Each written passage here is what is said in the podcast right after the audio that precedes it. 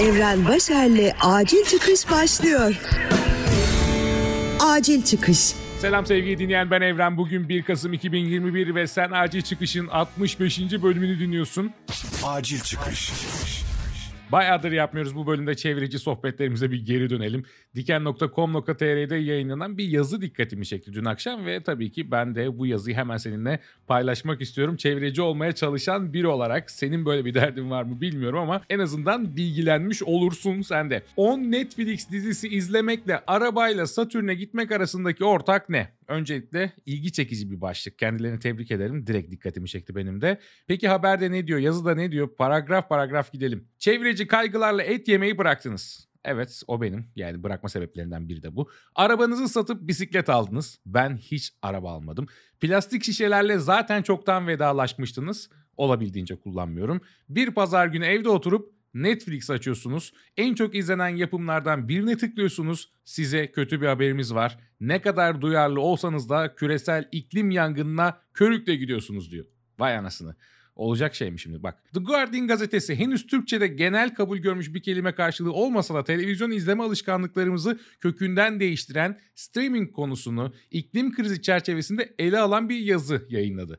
Buna göre bir ay boyunca Netflix'in dünya çapında en çok ilgi gören 10 dizisini izleyenlerin ürettiği karbon ayak izi bir arabayı Satürn'den de uzak bir mesafe boyunca sürmekle eşdeğermiş. Hadi bakalım. Tek suçlu Netflix değil elbette. Guardian'ın haberinde dünyanın en büyük video paylaşım sitesi YouTube bugün başlayan Birleşmiş Milletler İklim Zirvesi'nde dünya liderlerinin bir araya geleceği İskoç şehri Glasgow'un sera gazı salınımının salınımından da fazla sera gazını atmosfere bıraktığı söyleniyor. Ya ben ne yapayım sevgili dinleyen bak şimdi haberin gidişatına bak. Hem Netflix izliyorum burada izlediğim dizilerden belgesellerden bahsediyorum size. Hem podcast'te içerik üretiyorum yine streaming'e bir katkım var. Hem de YouTube'da içerik üretiyorum. Orada da bir insanların vakit harcamasını sağlıyorum ve ben bildiğiniz çevre düşmanı bir insanmışım. Buna katkıda bulunuyormuşum. Ne kadar uğraşırsam uğraşayım. Neyse devam edelim. İklim kriziyle mücadele eden kuruluşların odağında en fazla karbondioksit üreten havacılık, otomotiv, gıda gibi sektörler olsa da Disney Plus'tan Netflix'e popülerite patlaması yaşayan streaming servislerinin gezegene ne kadar zarar verdiği de sorgulanmaya başlamış. Streaming'in çevrede yarattığı etkileri daha iyi anlamak amacıyla yola çıkan Greening of Screaming'in kurucusu Dom Robinson şöyle diyor. Yayın dünyasının çevreye etkisinin hikayesi henüz çok yeni. İnternet trafiğindeki akış ve oyunlara yönelik talep artışının bir dar boğaz yarattığı düşünülüyor. Halbuki sorun kapasite değil, artan güç kaynağı talebiyle ilgili. Streaming yayınlarını izlerken geçirilen 1 saatlik sürede üretilen karbon ayak izinin bir arabayla yaklaşık 300 metre gitmeye eşdeğer olduğu da biliniyormuş.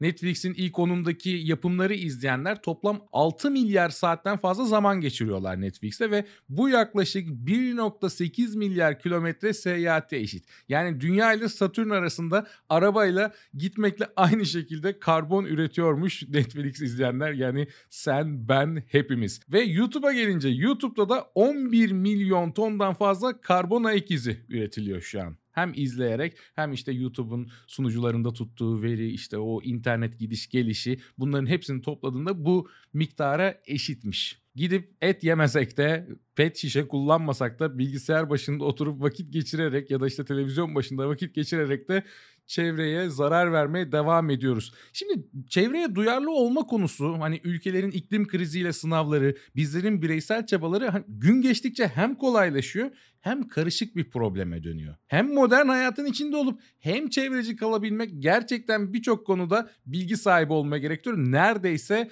çok zor, çok modern hayatın içinden bir şekilde çıkmak ya da çok dikkatli olmak lazım. Bu ortalamayı nasıl yakalayacağız bilmiyorum. Baksana bir yerden fire veriyoruz. Hani etten kaçsak Netflix'e yakalanıyoruz. Araba kullanmasak YouTube'a çarpıyoruz ve bir şekilde küresel iklim krizine katkıda bulunuyoruz modern insan olarak. Diğer bir yandan da 2. 3. Dünya ülkeleri için bu durum komik kaçıyor. Yani mesela Türkiye'de bile en büyük sorun şu an ekonomi, market alışverişi en ucuzu bulmak isteyen insanların sayısı bu şekilde artarken ve bizde batı dediğimiz benim de yaşadığım Kanada gibi ülkelerde neyin daha az çevreye zarar verdiğini hesaplamaya çalışıyoruz. Bir yanda en ucuz ürünü bulmaya çalışanlar bir yanda çevre en az zararı vermeye çalışan insanlar. İşte bu da ekonomiyle alakalı tabii ki. Hoş Kanada'da şu an çok muhteşem bir tablo yok ekonomik olarak ama tabii ki kıyaslanamaz. 5 litre yağın en ucuz nerede olabileceğini düşünen bir ülke için bu çevreci haberler başka dünyaların sorunu gibi kalıyor. Yani bunu şimdi gitsem ve markette bir kişiye söylesem ya bakın bu yağ almayın ya da şunu almayın.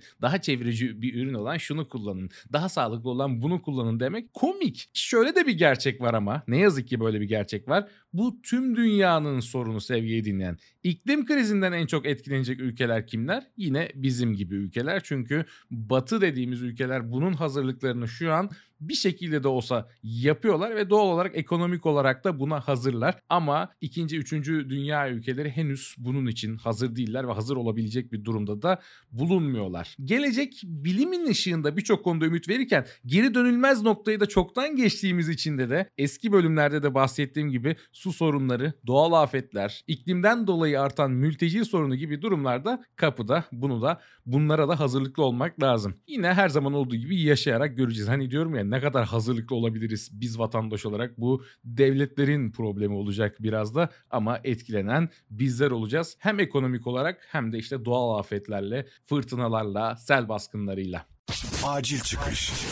Bu sabah ilginç bir şey oldu. Kanada'nın birçok bölgesinde birçok insanın telefonundaki saat otomatik olarak bir saat geri alındı. Hatta bunlardan biri de kadim dostum Eray'mış. Onun başına geldiği için herhangi bir şaşkınlık yaşamıyorum açıkçası. Zaten bana da bu haberi kendisi verdi. Bugün buluşacağız ve doğal olarak şimdi bir saat geç kalacak. Yola bir saat geç çıktı. Kanada'nın en büyük iletişim operatörlerinden biri olan Bell'i kullananlar güne bu yanlışlıkla başladı ve birçok kişi de doğal olarak alarmlarının bir saat geç çalması yüzünden işlerine, okullarına geç kalmış durumda. Bell de açıklama yapmış. Evet hata bizden kaynaklı araştırıyoruz demiş.